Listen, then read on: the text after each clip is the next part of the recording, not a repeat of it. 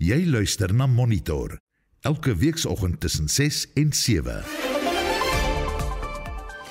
In die program die openbare beskermer Bosisiwe Mqobani eis dat die voorsitter van die artikel 194 komitee, Kobele Jantjie bedank. Dit is nou na skokbeweringe van omkoopry waarby Jantjie en twee ander ANC hoës betrek word. You know that there is an allegation of a bribe against you that you are soliciting a bribe and therefore it doesn't help anyone to be sitting here with a chairperson who's facing such serious allegations. Die Jacob Zuma stigting sê die voormalige president gaan teen gister se hofuitspraak appeleer wat sy private vervolging van advokaat Billy Downer en joernalis eh, Karen Moon tersyde gestel het. Onthou ons het 'n volbank uitspraak hierso gehad. Met ander woorde, dis nie sommer net een regter wat 'n moontlike fout kon gemaak het nie. Dit is drie regters wat saamgestem het oor die uitspraak. So, dit is sy onmiddellike probleem. Hy moet verlof tot appel kry En duisende mense word jaarliks as onbekendes in Suid-Afrika en ander lande begrawe, ondanks die vooruitgang wat daar met DNS-ontleding gemaak is.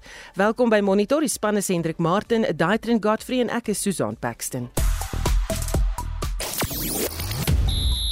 In jou sportnuus, Australië domineer Indië op dag 1 van die wêreldtoetskampioenskap eindstryd. By die Franse Ope is dit die vroue halfyn wedstryde wat gespeel word en Lionel Messi het 'n nuwe sokkertuiste.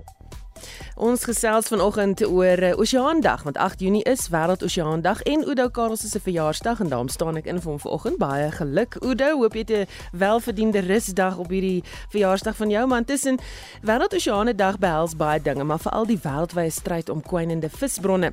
Daarom is daar die Suider-Afrika Volhoubare Seekos Inisiatief of SASSI, 'n gids wat vissoorte as groen, oranje of rooi klassifiseer.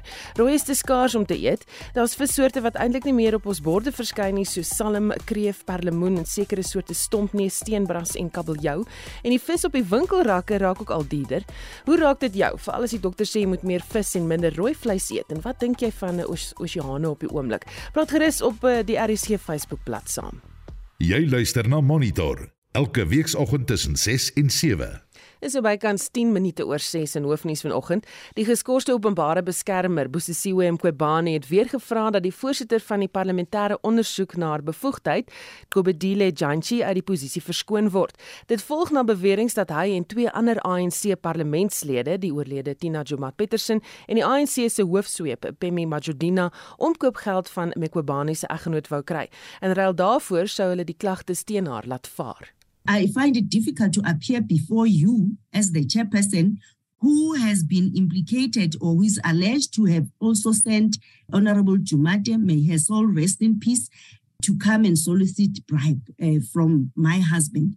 And chairperson, I've heard the audio, the recordings, and that recordings uh, will be made available as well to the committee, and the members of the public will even hear for themselves where you and uh, Ms. Majodina are implicated. Meeste van die lede van die komitee het gesê dit is nie nodig vir Dianti om te bedank tot die kwessie formeel by die komitee geopper word nie. Die ATM en Julius Malema, die leier van die EFF, het egter daarop aangedring dat Dianti as voorsitter onttrek. There's no way you will proceed as if there's nothing happening around your name.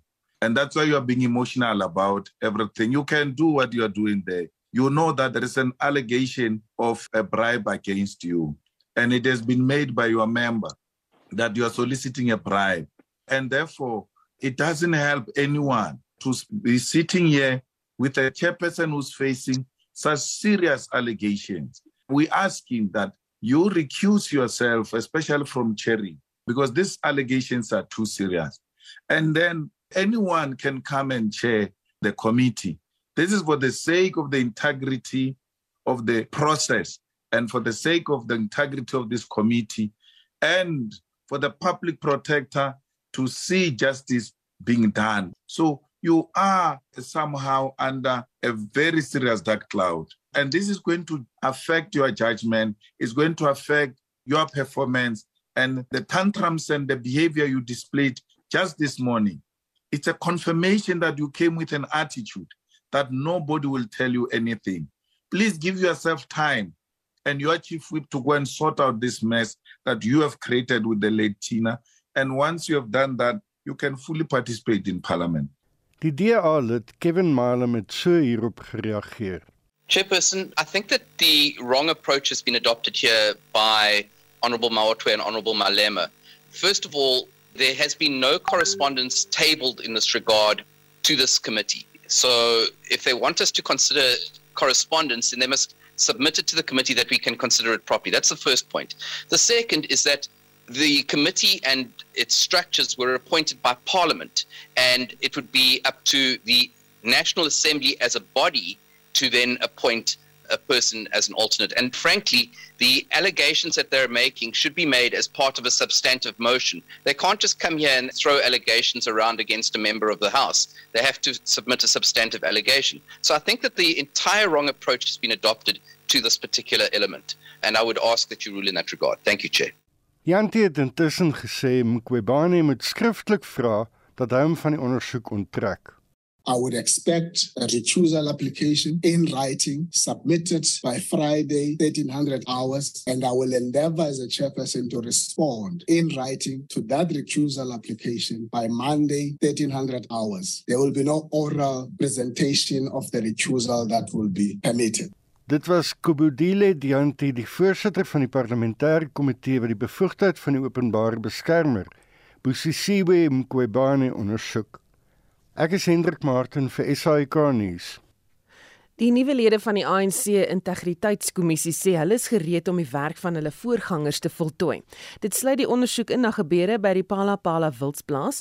Lede van die kommissie sluit in Sophie de Bruin, Smangaliso Mkachwa, Jenny Schneider, Len Ratsegatla, Nkeli Ngani, Sue Rapkin, James Nkulu, Cyril Jantjies en Tandi Ranku. Die kommissie nou onder leiding van eerwaarde Frank Shikani is se doelwit sal wees om die korrupsie binne die party uit te wis. Shikani het vroeër aan SAK nuus gesê dat sekere lede van die ANC nie verstaan wat integriteit is nie. Let me say I think the starting point is that we should not be seen as just a commission that waits for people to act unethically and then they come and appear before the commission. I think the mandate of the commission is much more broader. We're going to have to deal with issues of integrity within the whole organization. Which involves every member. In fact, the terms of reference makes provision for the commission to interact with branches, members, um, interact with provinces and regions and the leagues of the organization. We've got the ethical framework which was uh, developed by the Integrity Commission, presented to the NEC but it has not been acted upon because some of the members of the ANC really don't understand what integrity is. Some of them work on the basis that you climb on the ANC bandwagon and you enrich yourself, you use resources of the state to enrich yourself rather than offer services to the people. And they don't see anything wrong. And when I listened, to the old members of the commission, they say some of the people who appear there are not really concerned about integrity, they are concerned about their positions. Shikani sê dis tyd om die party weer terug te gee aan die lede. Well, it's going to be the method, the approach is going to be different. We're going to look at the commission as part of the renewal. It's a key pillar of the renewal of the African National Congress to make it what it's supposed to be and what people expect it to be. And we just one pillar. Remember, there are many pillars. There is the disciplinary section of the Rule 25 of the ANC, which deals with uh, behavior in terms of misconduct, etc. That's another pillar, and that pillar has to get into action to make sure that nobody behaves in a way that is un ANC and the way in which the people don't want it. By the way, the ANC at its 44th conference adopted a resolution that says there are demands from the people, the constitution, and the rule of law. And I'm quoting that particular resolution of us as members of the ANC to behave in a particular way with integrity and serve the people with integrity. What we're going to be doing is what the organization says must be done. There is no policy of the ANC that says you can be corrupt, you can be unethical, you can act in an immoral way in terms of your conduct. Shikane het ook tydens die aankondiging van die kommissielede gesê dat die party gelei moet word deur mense met integriteit. Op 'n vraag wat hy dan gaan doen oor nasionale uitvoerende komiteelede soos Gweri Mantashe en Malusi Kigaba wat deur die Zondo-kommissie van staatskaping beskuldig word, het hy so geantwoord. Uh, no, I mean it's quite clear the ANC has said so. That there are people who have no integrity amongst the leadership. I mean, it's not everybody who is. And the history you are talking about, it's exactly the history that makes the organization to take the position it, it has taken at the 55th conference in the January 8th statement and there are cases of the past. I mean, there are many of them. For instance, there were cases coming from the Zondo Commission. Uh, 97 people who were referred to the commission did not appear in the commission within the prescribed time. And when I arrived, we referred them back to the NEC to refer them to the disciplinary committee. Uh, so that they act accordingly. So there are old cases that need to be acted on. But I'm talking now about the future to say, what are we going to do to take back the organization to the people? En dit was eerwaarde Frank Shikani, die nuwe voorsitter van die ANC Integriteitskommissie. Dit is nou 19 minute oor 6 jy luister na Monitor. Die burgerregte groep DRSA het die nuus verwelkom dat Onderste Poort nou weer voorrade van enstof teen Afrika perdesiekte het. DRSA het die kwessie gedryf en ons praat nou met die bestuurshoof van die organisasie Gideon Joubert. Goeiemôre Gideon. Môre is dit is lekker om weer hier met julle te kan gesels, so vroeg in die oggend. Ja, so lekker vroeg, uh, geen beter tyd om te gesels as nou nie, maar hoekom is daar nou weer enstof teen perdesiekte beskikbaar? Weet jy die storie met onderste poort is, ehm um, die regering het die monopolie op die uh vervaardiging en verspreiding van hierdie ehm um, veertsenai en stowwe. En daar was 'n uh, ongelooflike groot tekort wat 'n drastiese impak gehad het op die landbousektor onder andere met, met betrekking tot perde. En hulle het dit nou reg gekry om op 'n manier nou um hierdie vervaardigingsproses wat ons spoor het vir aan die gang te kry en hierdie enstowwe beskikbaar te stel. Maar ek moet daarom ook bieg, die slegte nuus is dat dit nou is, is nou al maande se tekort.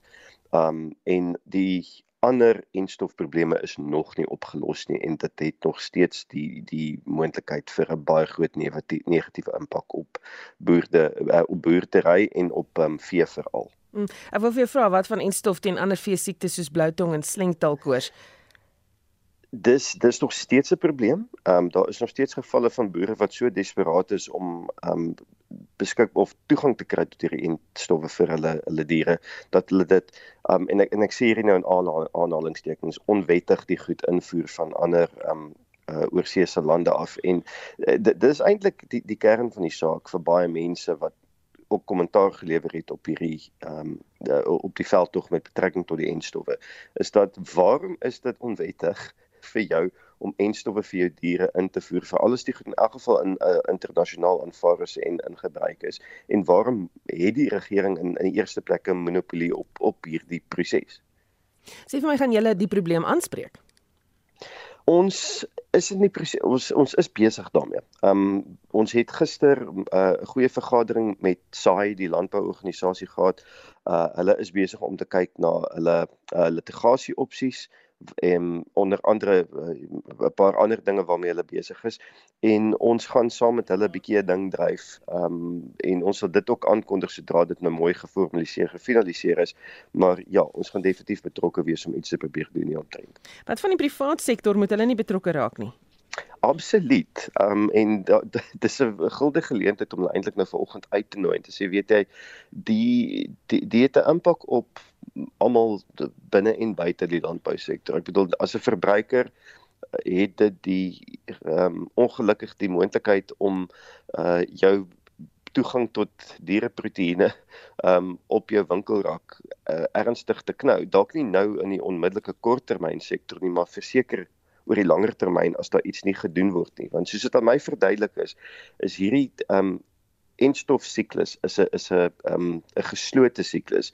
Sodra jy uh is 'n geleentheid of of 'n uh, voorgeskrewe uh tydstip mis om jou diere in te ent, is hulle dan onmiddellik omtrent weerloos. Ehm um, en om daai gaping weer toe te maak is blykbaar 'n redelike storie, maar ek is nie 'n veearts nie, so ek ek weet nie presies hoe dit goed werk nie, maar soos dit aan my verduidelik was, is dit 'n redelike ernstige saak. Hm. 'n Ander tekort waar ons vroeër berig het was slangbite serum. Is dit iets uh, wat jy ook na kyk? Ons is ons is bewus daarvan. Um, ons is besig om te kyk hoe ons of ons dit kan inkorporeer met hierdie spesifieke veldtog en of ons dit gaan loods as 'n nuwe een. Maar ja, dit is eintlik presies dieselfde probleem wat nou maar net manifesteer um, in 'n ander oord. Hmm. En sê vir my is dit dit dis slangbyt serum dis uh al die enstowwe ek weet julle is betrokke by klomp ander dinge so is dit hou julle nogals besig klomp probleme wat julle as organisasie na kyk Ja, kyk, 'n mens kan sê dis klomp probleme wat nou dis 'n oorsprong is soos die die die staat verval en val en en in duie stort. Maar eh, en ek en ek is bevrees om te sê ek dink dit gaan beter raak. Wat die positiewe ding van hierdie is is eh, die privaat oplossings vir hierdie probleme bestaan en die grootste struikelblok in baie gevalle vir die toepassing van daai oplossing is die feit dat die staat staan eintlik in jou pad en sê nee, maar jy mag dit nie doen nie ons het 'n uh, wet of 'n mandaat of 'n dit of 'n dat wat jou gaan wat, wat eintlik onwettig maak vir jou om om hierdie probleem op te los. Dis ons wat moet moet doen. Maar soos jy weet dinge vererger, is die staat nie meer in staat daartoe om om mense eintlik te keer om hierdie probleme op te los nie. So dinge gaan slegter raak tot op 'n punt en dan dink ek gaan die wat wat bereid is om skouer aan die wiel te sit, die oplossings na die tafel toe bring en ehm um, dinge gaan dan as gevolg van van privaat aksie begin beter raak. Hm.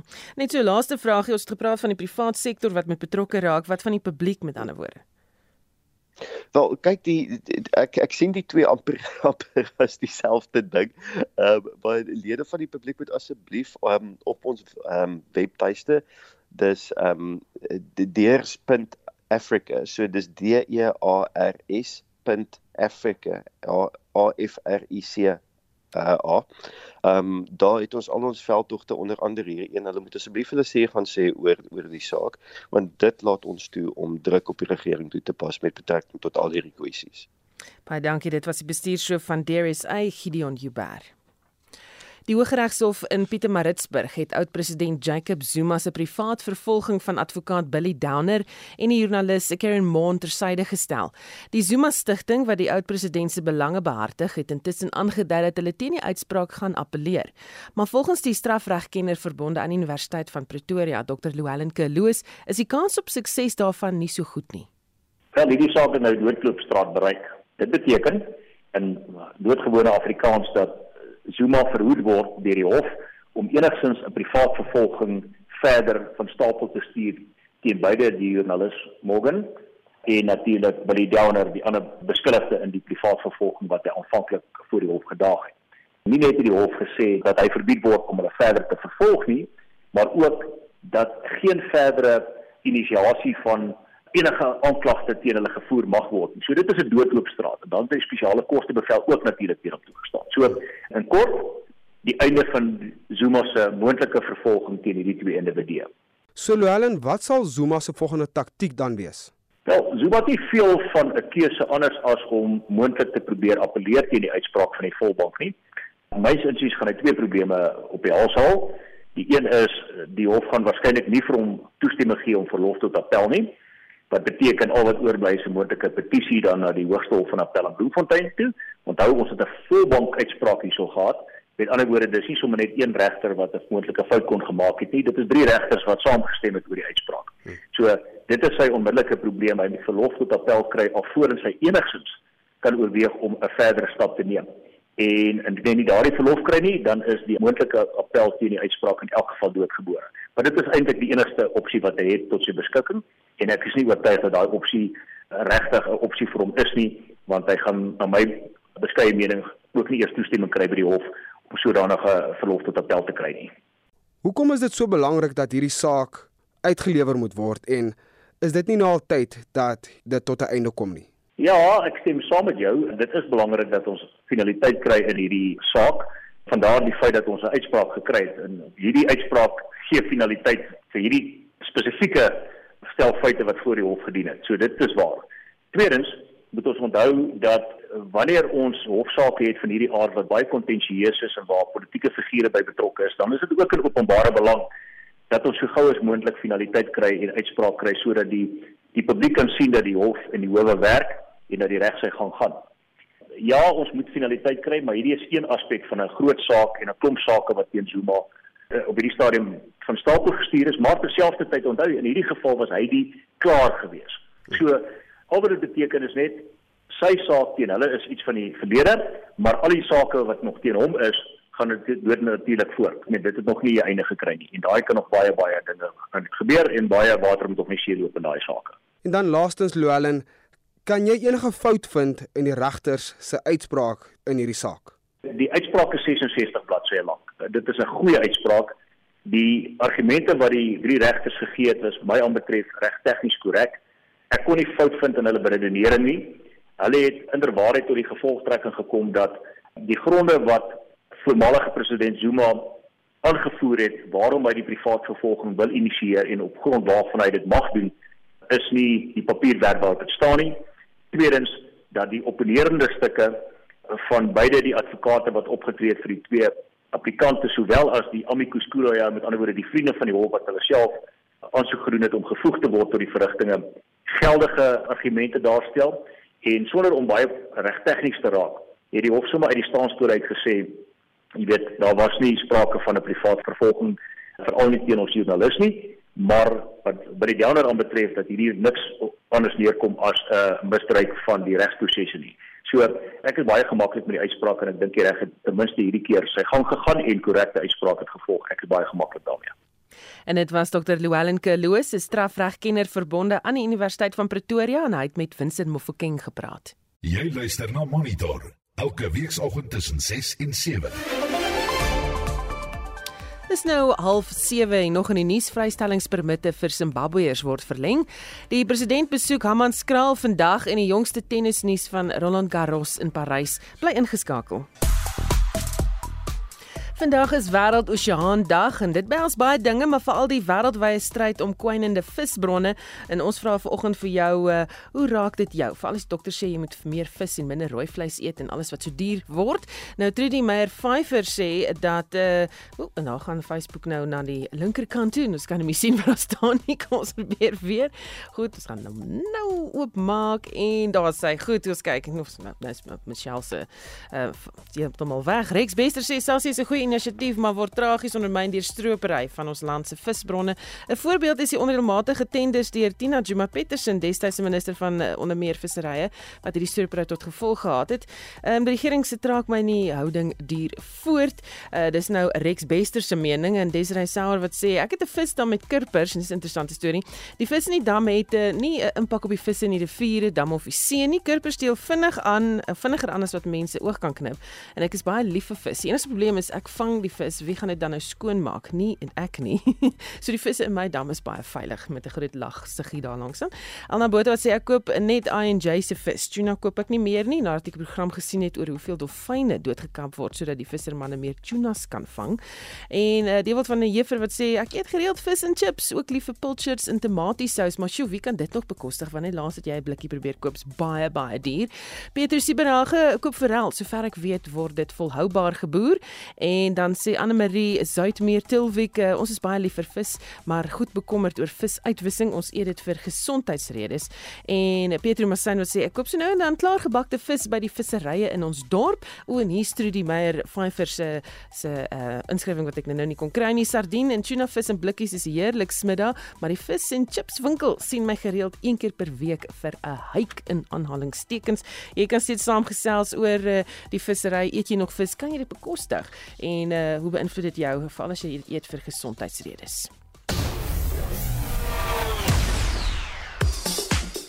Jody Hendriks het die jongste sportnuus.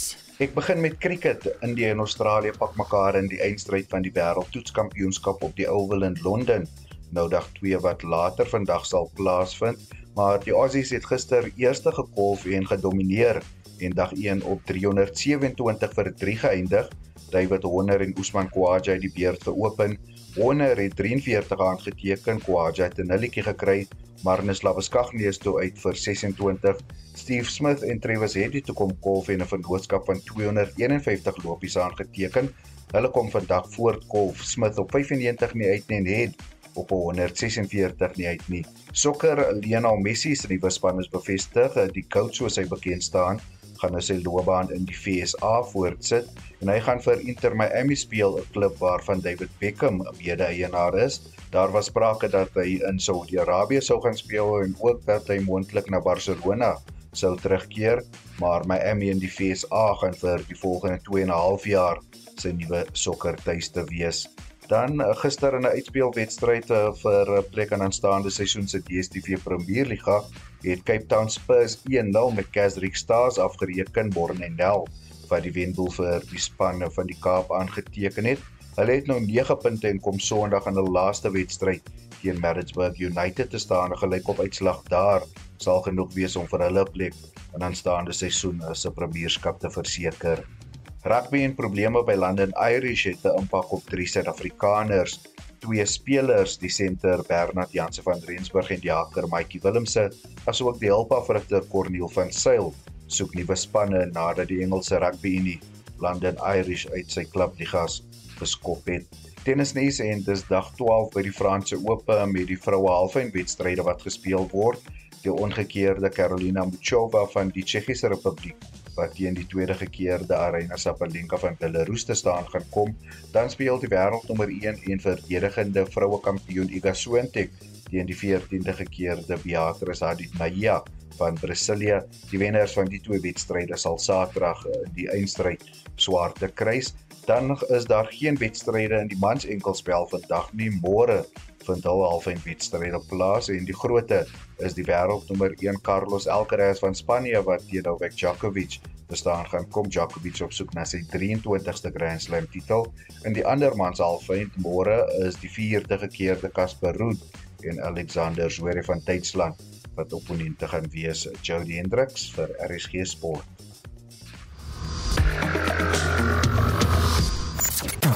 Jy luister na Monitor. Elke weekoggend tussen 6 en 7 sin 23 minute voor 7. Die departement van water en sanitasie het in sy waterverslag talle probleme uitgelig oor sake wat gedurende die 2022 waterberaad bespreek is. Bo aan die lys is munisipaliteite en ander entiteite se swak beplanning en onvermoë om drinkwater van 'n goeie gehalte te lewer. Die direkteur-generaal van die departement, Dr. Shaun Phillips, sê uit die 850 munisipale afvalwaterbehandelingsstelsels wat geassesseer is in hulle waterverslag was 334 van hulle in 'n baie swak toestand. These assessments that we do of the both the wastewater infrastructure and the wastewater treatment processes and the drinking water processes and the drinking water infrastructure, they all indicate that there's been a deterioration in municipal water and sanitation services on average since the last time we published these reports in 2012. So we're not at all happy with the deterioration. Die langtermynimplikasies van swak gehalte water is die besoedeling van waterbronne deur afvalwaterbehandelingswerke. If we continue on the current trajectory, is that there'll be increasing pollution of water resources from wastewater treatment works, and that there'll be increasing decline in drinking water quality, and that in some municipalities, people won't be able to drink the tap water anymore if we carry on on the same trajectory. It is important to point out that In South Africa, we have 144 different water services authorities. Maar hoe kan die regering en die private sektor saamwerk? As the National Department of Water and Sanitation, we don't support the privatization of water or sanitation services, but I want to put in an important caveat. We do think there should be a higher level of private sector involvement. So we think that in the private sector in South Africa, there's a lot of money that's available for investment And we know that the pension funds and the banks are keen to invest more in public infrastructure because it's a good investment for them. And we know that in South Africa, in municipalities, there's very low levels of private sector involvement in municipal water and sanitation services. There's also a lot of management capacity in the private sector, which could assist the municipalities to manage their water and sanitation services better. So we I think it's important for municipalities to consider entering into more partnerships with the private sector. Dit was Dr. Sean Phillips, die direkteur-generaal van die Departement van Water en Sanitasie. Ek is Vincent Mufokeng vir SAI Garnis. Nou Suid-Afrika het 'n kantoor geskep om private belegging in die waterbedryf makliker te maak. Die doel hiervan is om die ineenstorting van die waterbedryf te keer. Kortom, die planne om die land se elektrisiteitskrisis op te los wat meer as 200 miljard rand se beleggings gelok het, kan as 'n model dien om ook waterprobleme op te los. Ons praat nou met professor Richard Meisner van die Departement Politieke Wetenskap aan Unisa. Sy navorsing fokus op waterpolitiek en regering en hy staans by die Wageningen Universiteit in Nederland, 'n besoekende professor daar. Goeiemôre Richard. Ai, goeiemôre Susan.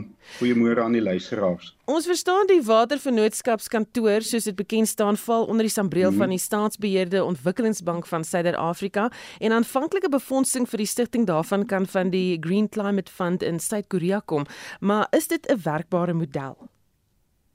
Ek dink dit is veral gesiene in die lig van wat met Eskom, jy weet die privaat sektor se betrokkeheid in uh, om die um elektrisiteit uh, krisis uh, op te los.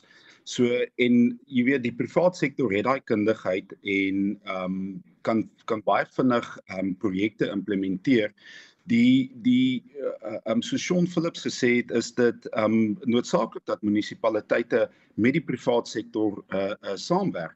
So ek dink dit is 'n baie goeie um idee en 'n baie baie um goeie werkbare model en daar is al reeds 12 miljard dollar um van die van hierdie uh uh Green Climate Fund beskikbaar wat 'n kwart is van die 47 miljard uh dollar wat gaan benodig word om die uh um die die uh afvalsuiweringswerke um op op op 'n goeie toestand te kry. Sê gou weer, hoeveel gaan ons nodig hê? Ons gaan 'n 47 miljard dollar nodig hê volgens die nasionale waterplan en dit um die, uh, teen die wisselkoers is 900 miljard rand met ander woorde amper 'n triljoen rand. Ons het gister berig dat 45 munisipaliteite kennisgewings van waterwese ontvang het omdat hulle versuim het om skoon gehalte drinkwater aan gemeenskappe te verskaf of om watersuiweringsaanlegte in stand te hou soos wat die wet vereis. Dit kan tot strafregtelike vervolging lei. Um, stem jy saam met hierdie soort optrede? Ek ja, ek stem ek stem volkome saam met daai optrede. Dit is nou al dit kom nou al 'n lang pad wat ehm um, daar geen strafregtelike uh, klagtes teen munisipaliteite ingedien is nie en dit uh as gevolg van die beginsel van interregering samewerking.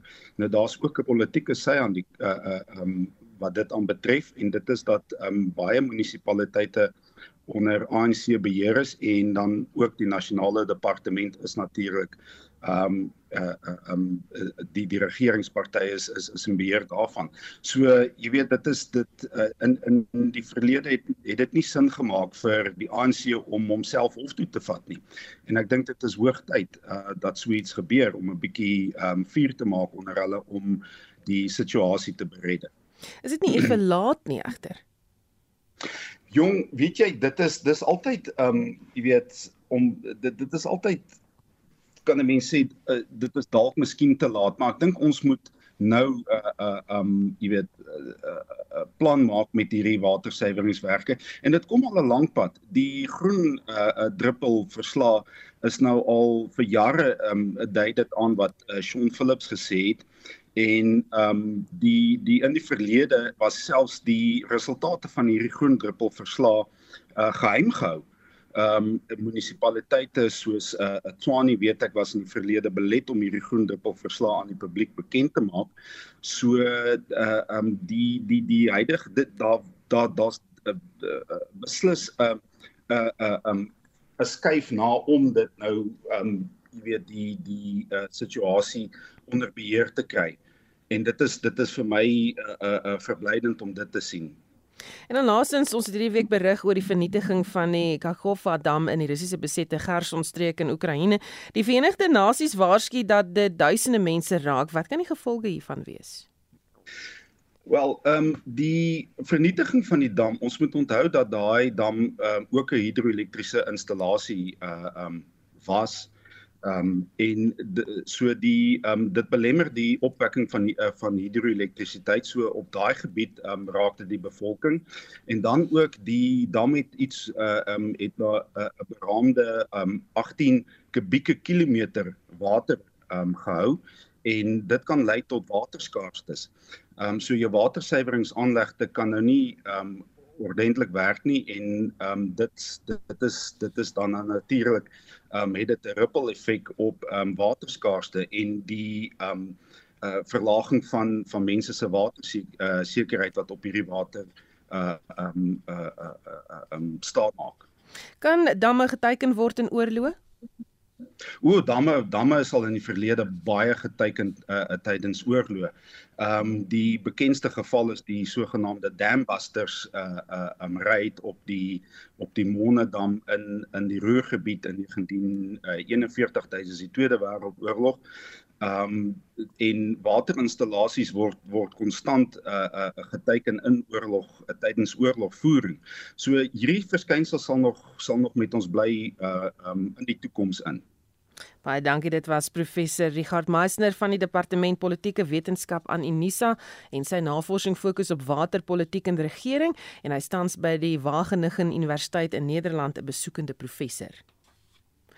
Dit is ontstellend dat duisende mense jaarliks as onbekendes in Suid-Afrika en ander lande begrawe word ondanks die geweldige vooruitgang wat daar die, die afgelope 40 jaar gemaak is om mense met behulp van DNA-ontleding uit te ken. Dis die mening van 'n verteenwoordiger van die internasionale komitee van die Rooikruis in Afrika, Stefan Fonseca. Fonseca was onder die kenners wat aan 'n webinar deelgeneem het in die aanloop tot 'n DNA of DNA DNA for Africa simposium aanstaande week in Kaapstad in die simposium Uh, Natuurlik sal meer lig werp op die kundigheid in Afrika in die veld en Dries Liebenberg berig. Net soos die Afrikaanse taal op 'n alfabet van 26 letters berus, verduidelik professor Bruce Bedouli van die Universiteit van Noord-Texas dat iemand se genetiese bloudruk in 4 letters uitgedruk word: A, G, C en T. Die genoom in elke sel in die menslike liggaam, oftewel dit wat elke persoon uniek maak, is 3 miljard letters lank. Bedouli sê 99,9% van die genetiese kode is dieselfde in elke mens.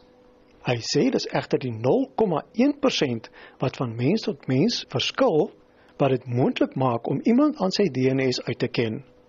Na 'n loopbaan van 40 jaar in genetika, sê Bedouli dat nuwe tegnologie steeds in DNA-ontleding ontwikkel word.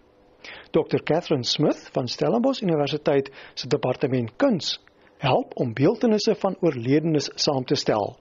But what forensic DNA phenotyping is able to do is offer additional information that we can now map. It's possible to now map externally visible human characteristics, called them EDCs, such as skin and eye color, natural hair color, some facial features can be inferred, male baldness pattern and even height can be inferred. Now, one of the facial features which is interesting is whether or not you have freckles. 'n Spesialis van die Verenigde Nasies oor geslagsgeweld, Dr. Linda Naidu, sê DNA-identifikasie behoort 'n belangrike rol in die vervolging van sulke sake te speel, aangesien die klaers talle struikelblokke te bowe moet kom om die geweld aan te meld. So, you know, and you can't expect a survivor to be able to, to construct a very perfectly orchestrated story because trauma has this effect of affecting memory and affecting coherency. And hence, then again, I would actually justify why DNA profiling, why DNA evidence plays this incredibly important role in collaborating that particular evidence. Rolprente en TV-reekse het DNA-ontleding aan die publiek bekendgestel as 'n manier om misdade op te los. 'n verteenwoordiger van die internasionale komitee van die Rooikruis, Steven Fonseca, sê dit speel ook 'n belangrike rol om aan mense se godsdienstige en kulturele behoeftes rondom byvoorbeeld begrafnisse te voldoen aan konflik en rampe. There are so many unidentified people and we're trying to find ways to create greater awareness around the fact that there's literally thousands and thousands of people in this country and in other countries, and Africa is not alone as a continent, where people are just being buried as unidentified year after year. Thousands of bodies are put in common graves. It is a catastrophe. It is a total disaster that is being ignored. We don't seem to get that acknowledgement perhaps at the policy level and the government levels. Intussen sê die streekdirekteur van DNA for Africa in Suid-Afrika, Vanessa Lynch, daar word voorbrand gemaak dat beleid opgestel moet word wat DNS databasisse vir polisiewerk en humanitêre doeleindes afsonderlik moet wees. If somebody is arrested for a crime and their profile is on that database, but then in another instance or they're an offender, a family member goes missing, and they want to come forward at a later stage or if they've committed a crime to put their DNA profile on the database in the event that it may create some investigative lead through a familial search to the identification of the human remains. They're going to be reluctant to do that as a result of them maybe being implicated in a crime. Die kundiges het gewaarsku dat ondersoekbeamptes nie op DNA-toetse alleen moet staatmaak nie maar dat dit hand aan hand moet gaan met ander maniere om bewyse te versamel. Ek is Dries Liebenberg in Durban. Planet Ocean Tides are changing. Dis die tema vir Wêreld Oseane Dag en volgens PhD student in natuurwetenskappe aan Universiteit Stellenbosch, Courtney Gardiner, vind die veranderinge vinniger plaas as wat ons dalk mag dink. Jeremy Verhoef het by Gardiner gaan kers opsteek oor die uitkring effek van veranderende marine toestande. I mean, we hear all these numbers that are kind of spouted at us. So they have panels for climate change where they tell us how quickly the Earth is heating up. And I mean, a lot of it focused on terrestrial ecosystems. So they talk about species responding by moving or adapting and things like that. But in the ocean specifically, this is happening at two times faster than the rate on terrestrial species. So actually, the ocean is being impacted almost double as much the marine organisms that occupy the oceans are a lot more sensitive to temperature changes. And with temperature changes come a wide variety of other changes. So basically, the homes in which these organisms are living in is changing really, really quickly, far too quickly for these organisms to adapt and to get used to the new conditions. So basically, they're unable to live there anymore. So they either have to move or, I mean, in some very extreme circumstances, they die. Daar is reeds voorbeelde van plaaslike visspesies wat weens die vinnige tempo van klimaatsverandering van marine habitat verander. If you look at anchovy in the Hague, there's already records of those species moving in response to changing temperatures. So we have some sort of idea of what's going to happen in the future in the next 20 to 30 years in terms of change. And we can now see what's happening to those species. They're now moving either further north in the case of the Hague into Namibian waters. So that'll obviously impact our fishing industries that rely on those resources. So that could really impact our industries. And then also not to mention the communities that live off these resources. Sy sê mense neig om hulself van die klimaatskrisis te distansieer omdat klimaatsverandering in 'n gonswoord ontaard het. it's difficult to conceptualize how something could change in 20 years from now because we're thinking about what's happening tomorrow, not what's happening in 20 years from now. But I mean, we can already see how, you know, our winters are shifting, our summers are getting extremely hot. We see the impact that'll have, like when you look at the Karoo and how there's, you know, a lack of rainfall and all the different changes that are happening. I mean, that's just on the land. It's an unpleasant thing to think about. I mean, we're already dealing with a lot, specifically in South Africa. We're dealing with load shedding, we're dealing, I mean, we just got out of a pandemic. So it's a bit difficult to think about another potential crisis that we're going through. And I think the more and more we hear about this and the more and more we hear about, you know, what's happening, we, we kind of turn off to it because it's, it's not something that's pleasant to deal with. Suid-Afrika se kusgebied is een van die 24 globale klimaatsveranderingsbrandpunte. A climate change hotspot is anywhere that climate change is actually impacting the species and environments at a more extreme effect than anywhere else in the world. So, I mean, we've got a lot of people looking at the worldwide impact of climate change, and there's definitely areas specifically in the sort of equatorial zones near the equator, and then also looking at like Australia and places like that that are particularly vulnerable. So, South Africa is one of those places and was highlighted as one of the most vulnerable. Climate change is happening faster here than the rest of the world. And I think it also has to do with the fact that we're sitting on the southern tip of Africa we have such an incredible ocean environment. We have the west coast, which is cold and it's got the Benguela current. And then on the east coast, we have these warm, more tropical, beautiful, colorful reef systems. And because of that, it's an extremely complicated environment, a lot more complicated than elsewhere. We've got areas that are predicted to cool on the west coast, and then we have areas that are predicted to warm on the east coast. So basically, it's going to be a really interesting environment to see what's going to happen. And I think we also have nowhere else to go because we're at the bottom. Where can species go from there? They can't move more poleward. They can't move towards the South Pole. They're running out of places to go. So we're basically really the end of the line for most species. Gardner sê plaaslike vissersgemeenskappe gaan waarskynlik in die nabye toekoms verskeie aanpassings moet maak gegee die ingrypend veranderende marine toestande. If anything, we're adaptable. We can track these species if they haven't moved too far or haven't moved into a different geographical region. It might be too costly for our fisheries to follow species that move too far afield. Alternatively, with these changes, new species may move into these areas that we may be able to fish and take from in a sustainable way, and then we could switch to new species. So there's basically two options. We either switch to something new or we try and move and follow where they're going. So sê Courtney Gardner, 'n PhD student in natuurwetenskappe aan die Universiteit Stellenbosch. Ek is Jean Marie Verhoef vir SAK nuus. Ons gesels oor Oseane Dag en vis en kan jy dit nog eet? Eh, kan jy dit bekostig? Ehm um, en ek voor ek dit doen, ek sien Pieter Jordaan het laat weet. Dankie vir die inligting. Daar's digte mis in die Kriel omgewing. Skakel jou motor se ligte aan. Daar's ook baie steenkool vragmotors op daardie pad. So wees maar versigtig. Dankie vir die inligting.